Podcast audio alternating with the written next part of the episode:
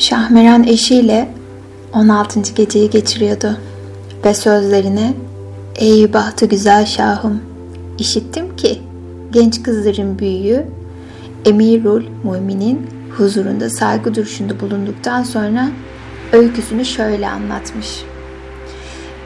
Ve üç kız kardeşin birincisi olan Zübeyde'nin öyküsünü anlatmaya başlamış Şehrazat kocasına. Ey inananların sultanı! Bilesiniz ki benim adım Zübeyde'dir. Size kapıyı açan kardeşimin adı Emine ve en küçük kız kardeşimin adı da Fehime'dir. Hepimiz bu aynı babadan ancak ayrı ayrı annelerden doğduk. Bu iki dişi köpeğe gelince benim ana ve babam ve kız kardeşlerimdir. Babamız öldüğü zaman aramızda eşit şekilde paylaştığımız 5000 dinar bıraktı. Kız kardeşlerim Emine ve Fehime kendi annelerine vermek istemediler.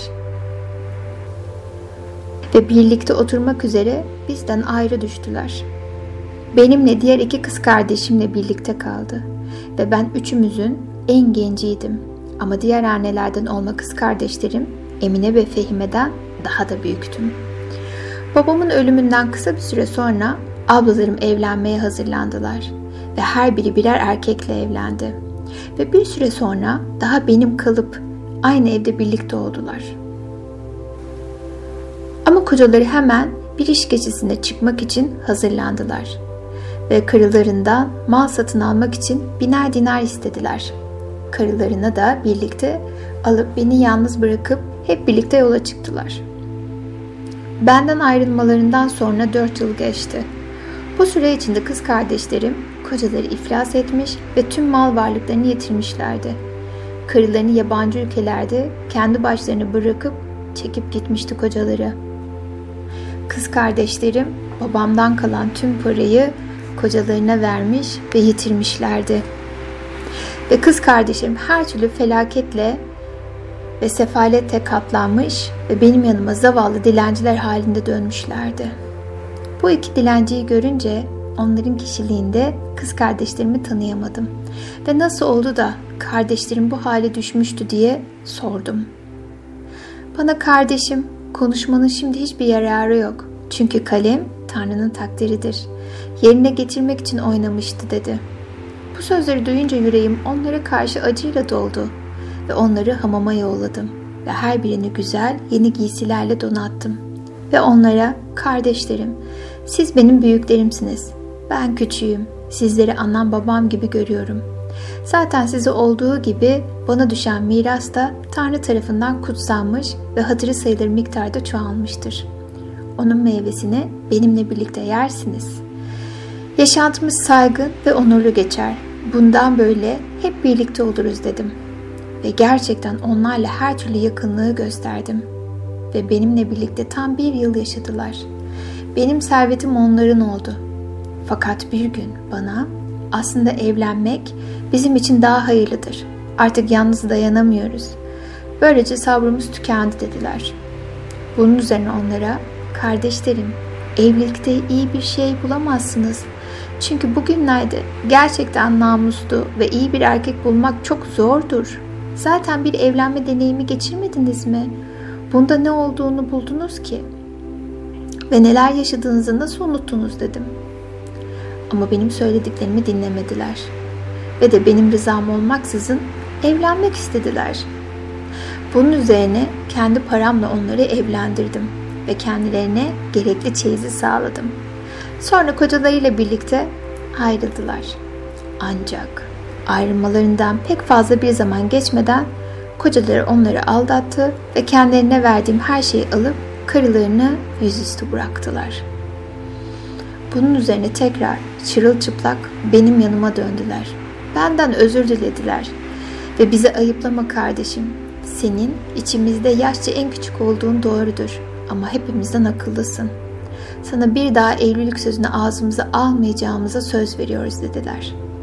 Bunun üzerine onlara hoş geldiniz kardeşlerim benim dedim. Benim için dünyada sizden değerli varlık yoktur dedim ve onları kucakladım ve öncekinden daha da cömertlik gösterdim. Bu durumda tam bir yıl yaşadık Bu sürenin sonunda mal dolu bir gemi donatmayı ve ticaret yapmak üzere Basra'ya gitmeyi düşündüm. Bu maksatla bir gemi hazırladım ve onu mal ve eşyayla ve de gemiyle yolculuk yapacak hale getirdim. Yolculukta ihtiyaç duyabilecek her şeyle doldurdum ve kız kardeşlerime, kardeşlerim dönüşüme kadar yolculuğum sürecinde evimde kalmaya yeğlersiniz yoksa benimle gelmeyi mi istersiniz diye sordum. Bana seninle geliriz çünkü senin yokluğuna dayanamayız diye yanıt verdiler. Ancak yola çıkmadan önce paramı ikiye böldüm. Yarısını yanıma aldım, öteki yarısını da kendime sakladım. Ve dedim ki kendi kendime, ola ki geminin başına bir felaket gelir ama hayatımızı kurtarırız. Bu durumda dönüştüğümüzde tabii ki eğer dönebilirsek bize yararlı olabilecek bir şeyler kalmış olur diye sakladım. Gece gündüz ara vermeden yolculuğu sürdürdük. Fakat aksilik bu ya, kaptan yolu kaybetti. Akıntı bizi dış denizlere sürükledi ve yöneldiğimiz denizden bambaşka bir denize girdik. Ve on gün dinmeyen kuvvetli bir rüzgar bizi sürükledi. Bu sırada uzakta belli belirsiz bir kent gördük ve kaptana üzerine doğru gittiğimiz bu kentin adı ne acaba diye sorduk. Bize vallahi hiç bilmiyorum bu kenti daha önce hiç görmedim ve tüm yaşamımda bu denizde de seyrettim. Ama önemli olan artık çok şükür tehlike dışındayızdır. Size bu kente girip malınızı depo etmekten başka yapacak bir şey kalmıyor. Ve de satmak istiyorsanız satmanızı size öneririm diye yanıt verdi. Bir saat sonra bize yaklaşıp kente çıkmakta acele edin. Orada Allah neler yaparmış görün de şaşın. Ve de sizi koruması için kutsal adının dilinizden düşürmeyin dedi. Bunu izleyerek kent üzerine yürüdük ve oraya ancak ulaşmıştık ki büyük şaşkınlığa uğradık. Bu kentin bütün oturanların kara taşlara dönüşmüş olduğunu gördük. Ama ancak oturanlar taşlaşmıştı. Çünkü tüm çarşılarda ve tüm ticaret yerlerinde malları olduğu gibi bulduk ve altın ve elmastan yapılmış tüm eşyaların olduğunu gördük. Ve olduğu gibi duruyorlardı altınlar. Bunu görünce çok sevindik ve birbirimize muhakkak ki bütün bunların nedeni çok hayret verici olmalıdır dedik. Bunun üzerine birbirimizden ayrıldık ve her birimiz kentin bir başka semtine gitti. Her birimiz gayret edip kendi adımıza altın, gümüş ya da değerli kumaş taşıyabildiğimiz kadar eşya toplamaya başladık. Bana gelince ben Hisar'a çıktım. Oradaki hükümdar sarayını buldum. Som altından yapılmış büyük kapısından girdim ve büyük kadife örtüyü kaldırarak içerideki tüm mobilyaların ve eşyaların hepsinin altın veya gümüşten yapılmış olduğunu gördüm. Avluda ve tüm salonlarda muhafızlar ya da mabeyinciler ayakta ya da oturur halde ama hepsi yaşarken taşlaşmış durumdaydı. Mabeyinciler, subaylar ve vezirlerle dolu sonuncu salonda insanın aklını karıştıracak kadar zenginlikte ve ihtişamda giysiler bürünmüş hükümdarın taşlaşmış halinde tahtında oturduğunu gördüm. Yöresinde yine taşlaşmış, ellerinde yalın kılıçlarla ipeksi giysilerle bürünmüş elli köle vardı. Hükümdarın tahtına inciler ve değerli taşlar kakılmıştı. Ve her biri inci bir yıldız gibi parlıyordu. Ve gerçekten bunlara bakarken aklımı yitirir gibi oldum. Ama yürümeye devam ettim. Ve harem salonuna ulaştım. Ve burayı da daha da harika buldum. Burada her şey pencere kafeslerine varıncaya kadar altındandı. Ve duvarlar ipek kaplamalarıyla kaplanmıştı. Kapı ve pencereler üzerinde kadife ve satandan perdeler vardı.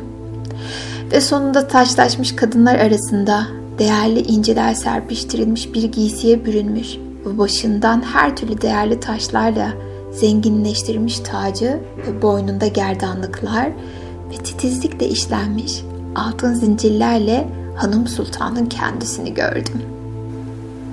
Ama o da siyah bir taşa dönüşmüştü. oradan yürümemi sürdürdüm ve açık bir kapı buldum. İki kanadı da saf gümüşten kapılmıştı. Ve içinde yedi basamaklı somaki mermerden bir merdiven gördüm. Bu merdiveni çıktım. Yukarıya ulaşınca sırmayla örülmüş halılarla kaplı, tüm beyaz mermerden büyük bir salon buldum. Bu salonun ortasında altından büyük meşaleler arasında zümrüt ve firuze serpiştirilmiş altın bir seki ve bu sekinin üstünde inciler ve değerli taşlarla değerli kumaşlar, gergef işleriyle kaplanmış kaynak taşından bir yatak gördüm. Fonda parlayan bir ışık vardı. Yaklaştım ve bu ışığın bir tabureye yerleştirilmiş deve kuşu yumurtası iriliğinde ve tıraş edilmiş tüyleriyle aydınlatan bir elmastan kaynaklandığını anladım. Bu elmas mükemmelliğin ta kendisiydi ve ışığı tek başına salonu aydınlatıyordu. Bununla birlikte burada yanan meşaleler de vardı. Ama bunlar bu elmasın parıltısı karşısında adeta utanıyorlardı. Ve ben kendi kendime eğer bu meşaleler yanıyorsa birisi onları yaktığı içindir dedim. Bunun üzerine yürümeyi sürdürdüm. Ve başka salonlara girdim. Her gördüğümde şaşkınlığa uğruyor ve canlı bir varlığa rastlamayı çabalıyordum. Öylesine meşguldüm ki kendimi gezide olduğumu, gemimi ve kız kardeşlerimi unutmuştum. Ve bu harika yerde gezerken gece bastırdı. Bunun üzerine saraydan çıkmak istedim. Ama yolumu şaşırdım. Artık yolumu bulamıyor, dönüp dolaşıyor, kendimi kaymak taşından yapılmış yatağın, iri elmasın ve yanan altın meşalelerin olduğu salonda buluyordum. Bunun üzerine yatağa oturdum. Gümüş ve incilerle işlenmiş mavi setenden yorgana bürünüyordu. Çok hoş bir yazıyla yazılmış, kırmızı ve başka renklerle süslenmiş altın yaldızlı kutsal kitabımız Kur'an'ı ele alıyor, kendimi kutsamak ve Tanrı'ya şükretmek için bazı ayetleri okumaya başlıyor ve kendimi suçluyor Tanrı takdis edesi peygamberin sözleri üzerinde düşünüyordum. Sonra uyumak üzere uzandım ve uyumaya çalıştım ama bir türlü başaramadım. Uykusuzluk gece yarısına kadar beni uyanık tuttu. O sırada Kur'an okuyan bir ses duydum. Hoş, tatlı ve gönül okşayıcı bir sesti bu. Bunun üzerine acele yerimden kalktım. Bu sesin geldiği yöne doğru yürüdüm. Sonunda kapısı açık olan bir odaya geldim. Kapıdan yavaşça içeri girdim. Araştırmalarım sırasında beni aydınlatan meşaleyi dışarıda bırakarak çevreyi gözden geçirdim. Buranın bir mabet olduğunu gördüm. Ortalık asılı bulunan yeşil camdan lambalarla aydınlatılıyordu. Ortasında doğuya doğru yayılmış bir seccade vardı.''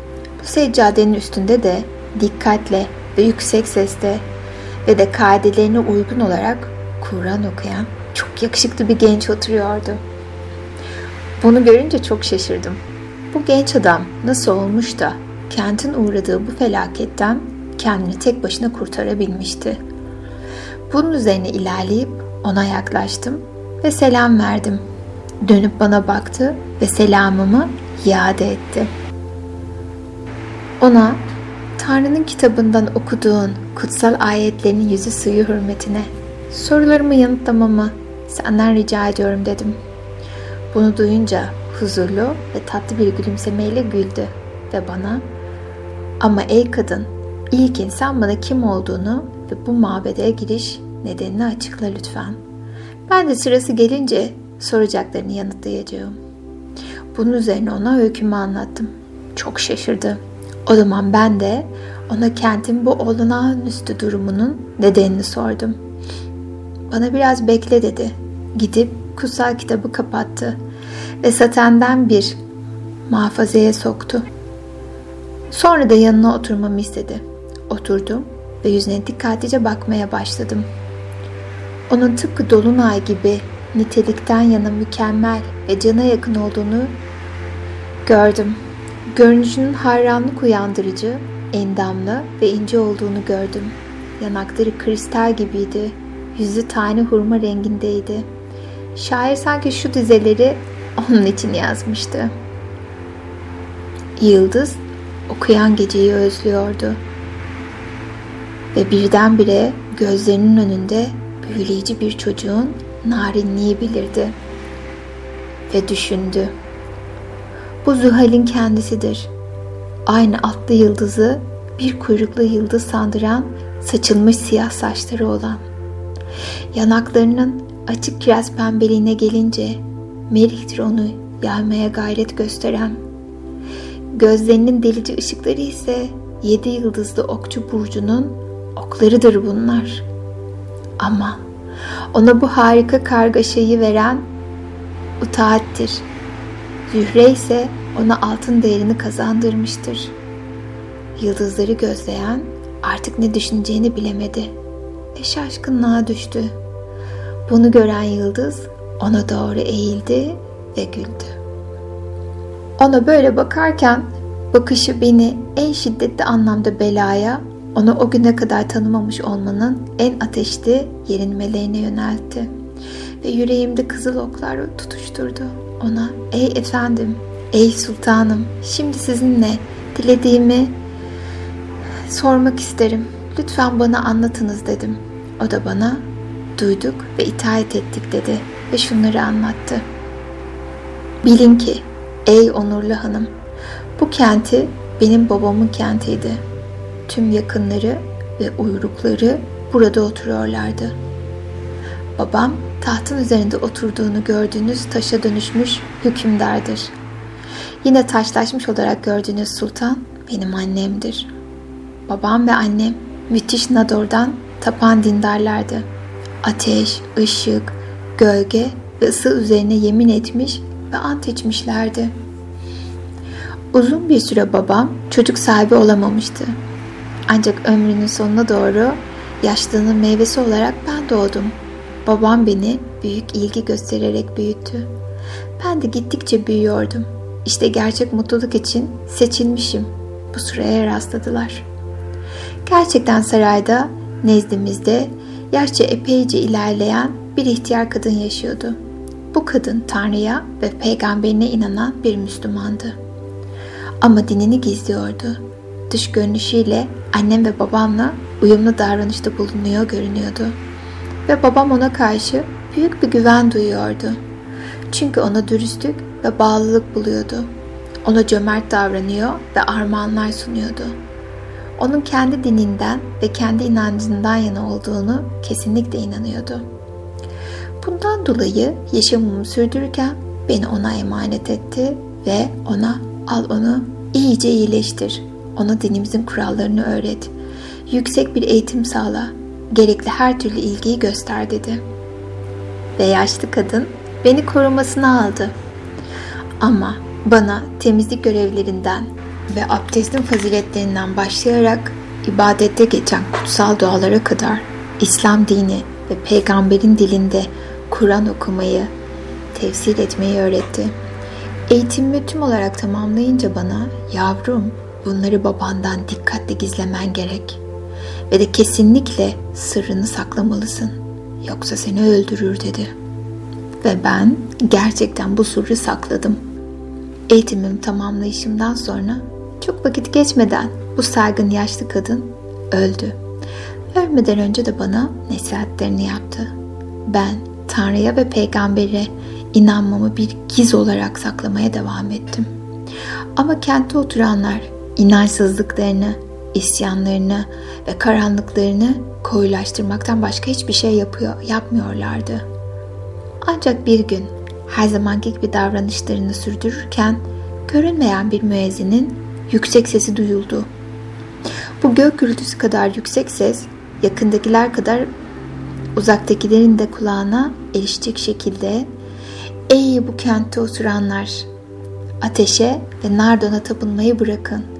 Tek ve kudretli Tanrı'ya tapın diyordu. Bu sesi duyan kentte oturanlar büyük bir dehşete kapıldılar. Kentin hükümdarı olan babamın çevresine toplandılar ve ona "İşittiniz mi? Bu korkutucu ses nedir?" Hala bu sesin etkisiyle titriyoruz diye sordular. Babam onlara bu sesten korkmayın, dehşete kapılmayın, eski inancınıza sımsıkı sarılın dedi. Ve bunun üzerine sürekli babamın sözlerine doğru eğilim gösterdiler. Ve asla ateşe tapınmaktaki alışkanlıklarından ve ona sıkıca bağlanmaktan vazgeçmediler. Ve bir yıl daha hatalı kör inançlarına bağlı kaldılar. Ta ki ilk ses duymalarının yıl dönümüne kadar ve de bir yıl sonra aynı ses ikinci kez duyuldu. Sonra bir yıl daha geçti ve her yıl tekrarlanan ses üçüncü kez duyuldu. Ama onlar hatalı inançlarını ve bunun gereklerini terk etmeye yanaşmadılar. Ve sonunda bir sabah şafak baktı, felaket ve bela üzerlerine gökten yağarak geldi ve kara taşa dönüştüler. Ve kendileriyle birlikte atları, katırları, develeri ve sürü hayvanları da taşa dönüştü. Tüm uyruklardan bir başıma ben bu felaketten kurtuldum. Ve işte o günden beri burada oturup dua ediyorum. Oruç tutuyorum, Kur'an okuyorum. Fakat ey saygıdeğer ve güzel hanım, içinde bulunduğum yalnızlıktan, bana insanca ilgi gösterecek yöremde kimse olmamasından bıktım. Bu sözleri duyunca ona, ''Ey her türlü nitelikten nasip olan genç adam, benimle Bağdat kendine gelebilir misin? Orada din ve fikahtan yana derinleşmiş bilginler ve saygın şeyhler bulacaksın ve onların dostluklarıyla bilgide ve ilahide adaletin öğrenilmesinden daha ileri gidersin.'' ve ben oldukça hatırlı bir kimse olmama karşın senin kölen ve zevkinin hizmetçisi olurum. Aslında ben yöremde bulunanların efendisiyim ve emrime bağlı erkekler, hizmetçiler ve genç çocuklar var. Burada da kıyıda da mal yüklü bir gemim var. Ama talih bizi bu kıyıya attı ve bu kenti tanıttı bize. Ve de bu serüvene sürükledi ve talih bizi birleştirmek istedi dedim. Sonra da ona bizimle birlikte gelme arzularına ilham edecek sözler söylemeye devam ettim. Bana onu olumlu yanıt verinceye kadar sözlerim devam etti.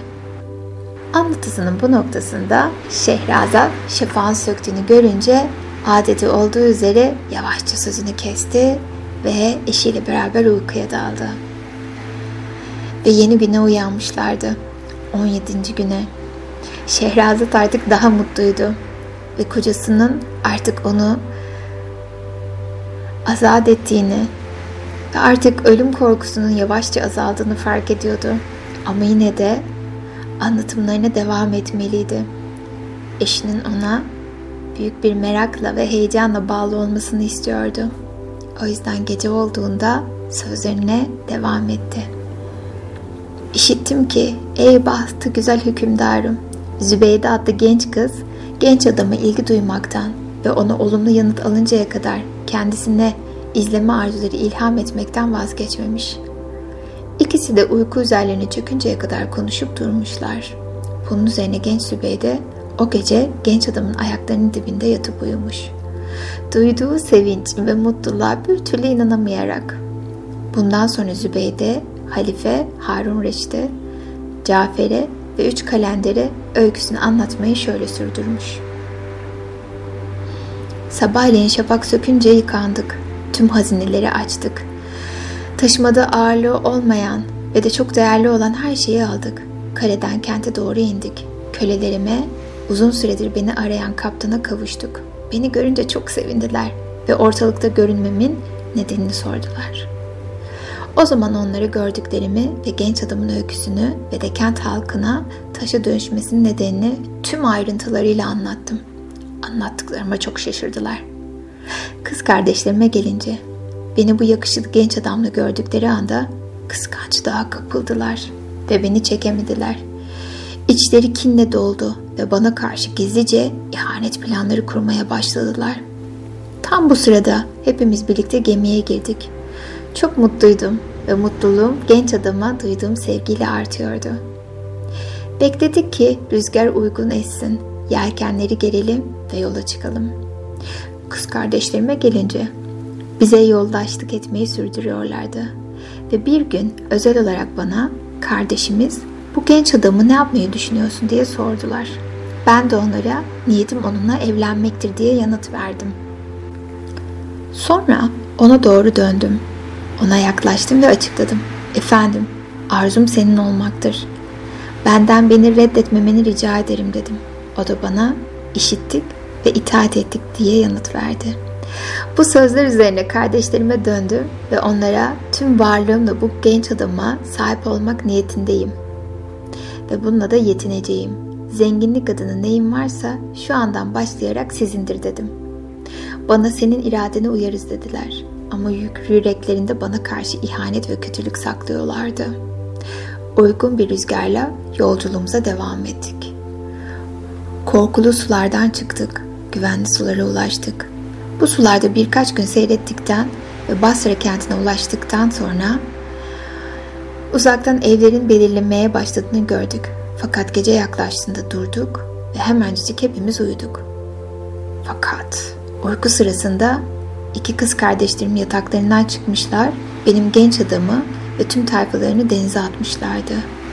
Yüzme bilmediği için genç adam boğuldu. Onun kurbanlara katılması Tanrı'nın takdiriydi. Bana gelince benim nasibim de kurtulanlar arasına katılmakmış. Bundan dolayı denize düşünce Tanrı'nın sağladığı bir tahta parçası üzerine ata biner gibi oturdum. Ve bu sayede ve de dalgaların sürüklenmesiyle uzak bir adanın kıyısına ulaştım. Orada giysilerimi kuruttum. Tüm geceyi geçirdim ve kendime bir yol aradım ve üzerinde Adem olduğunu ayak izleri olan bir yol buldum. Kıyıda başlayan bu yol adanın ortasına doğru uzanıyordu. Giysilerim kuruduğunu görünce bu yolu izledim ve adanın öbür kıyısına ulaşıncaya kadar yürümeye sürdürdüm. Burada Basra uzaktan görünüyordu. Birdenbire bana doğru gelen bir karayalını gördüm. Onun ardından da iri ve büyük bir yılan onu öldürmek için kovalıyordu. Karayılan kayışı dolayısıyla öylesine yorgun ve dermansız düşmüştü ki dili ağzından dışarı çıkmıştı. Bunu gören ben ona acıdım. İri bir kaya yakalayarak öteki yılanın başına attım. Onu ezip o anda öldürdüm. Fakat kara yılan da iki kanatı açtı ve göğe ağıp kayboldu. Bunu görünce şaşa kaldım. Ama ben de yorgunluktan bitkin hale geldiğimden oracağa oturdum. Sonra da uzanıp bir saat kadar uyudum. Uyanınca ayak ucumda ayaklarımı ovup beni okşayan güzel bir zenci kız gördüm. Bunu görünce şiddetle ayağımı geri çektim ve çok utandım. Çünkü güzel zenci kızın benden ne istediğini bilmiyordum. Ona sen kimsin ve ne istiyorsun diye sordum. Bana düşmanımı öldürerek büyük bir iyilik yapmış oldun. Sana ulaşmak için acele geldim. Ben seni o iri yılandan kurtardın kara yılanım ve ben bir ecinciyim. Bu yılan da bir ecinciydi. Ve sadece sen onun elinden beni kurtardın. Ben de kurtulur kurtulmaz rüzgara uyup uçtum ve acele iki kız kardeşinin seni denize attığı gemiye doğru gittim. İki kız kardeşini sihirle iki kara köpeğe dönüştürdüm ve buraya sana getirdim dedi. Dönüp arkamdaki ağaca bağlanmış olan iki dişi köpeğe baktım. Sonra Ecinci'ye. Daha sonra da gemide bulunan tüm zenginliği Bağdat'taki evine taşıdım ve gemiyi batırdım. Genç adama gelince o boğuldu. Ölüme karşı bir şey yapamam. Çünkü ancak Tanrı'nın gücü sonsuzdur, dedi. Bu sözler üzerine beni kollarına aldı, kardeşlerim olan iki köpeği süzdü ve onları da kucakladı ve hepimiz birden uçarak taşıyıp bizi sağ salim Bağdat'ta daha önce gördüğümüz, yaşadığımız evimin taracasına indirdi. Evimi gezip gemiden getirilen düzgün bir şekilde sıralanmış tüm servetimi ve mal varlığımı buldum. Hiçbir mal kaybolmamış ve hasar görmemişti. Sonra Ecinci'ye bana Hazreti Süleyman'ın yüzüğü içerisinde kutsal yağıt üzerine bu iki köpeğin her birini her gün 300 kez kamçıyla dövmek üzere yemin etmeni istiyorum. Bu emri bir gün bile yerine getirmezsen koşup gelecek seni onların kılığına sokacağım dedi. Ve ben ona işittik ve itaat ettik demek zorunda kaldım. Ve o günden beri ey evrin muminim onları kamçılayıp duruyorum. Sonra da acıyıp boyunlarına sarılıyor ve onları öpüyorum. Benim öyküm budur işte. Ey emir muminin kız kardeşim Emine'nin öyküsü benimkinden çok daha şaşırtıcıdır demiş. Bu öyküyü duyan halife Harun Reşit hayranlığın en üst derecesine ulaşmış ama merakını doyurmak için de açıkça acele etmiş ve bir gece önce ona kapıyı açan genç Emine'ye dönerek sen ey zarif kız bedenindeki bu darbe izlerinin nedenini hatırlar mısın diye sormuş. Ve böylece ilk genç kızın öyküsü böylelikle bitmiş olmuş. Zübeyde yaşam hikayesini anlatmıştır. Ve ikinci kardeşi olan Emine'nin öyküsü bir sonraki masalda sizin kulaklarınıza gelecektir. Ve şimdi derin ve güzel bir uykuya doluyor. Sabahleyin uyandığınızda kendinize umut dolu, mutlu, huzurlu hissederek uyanıyorsunuz. Güzel uykular.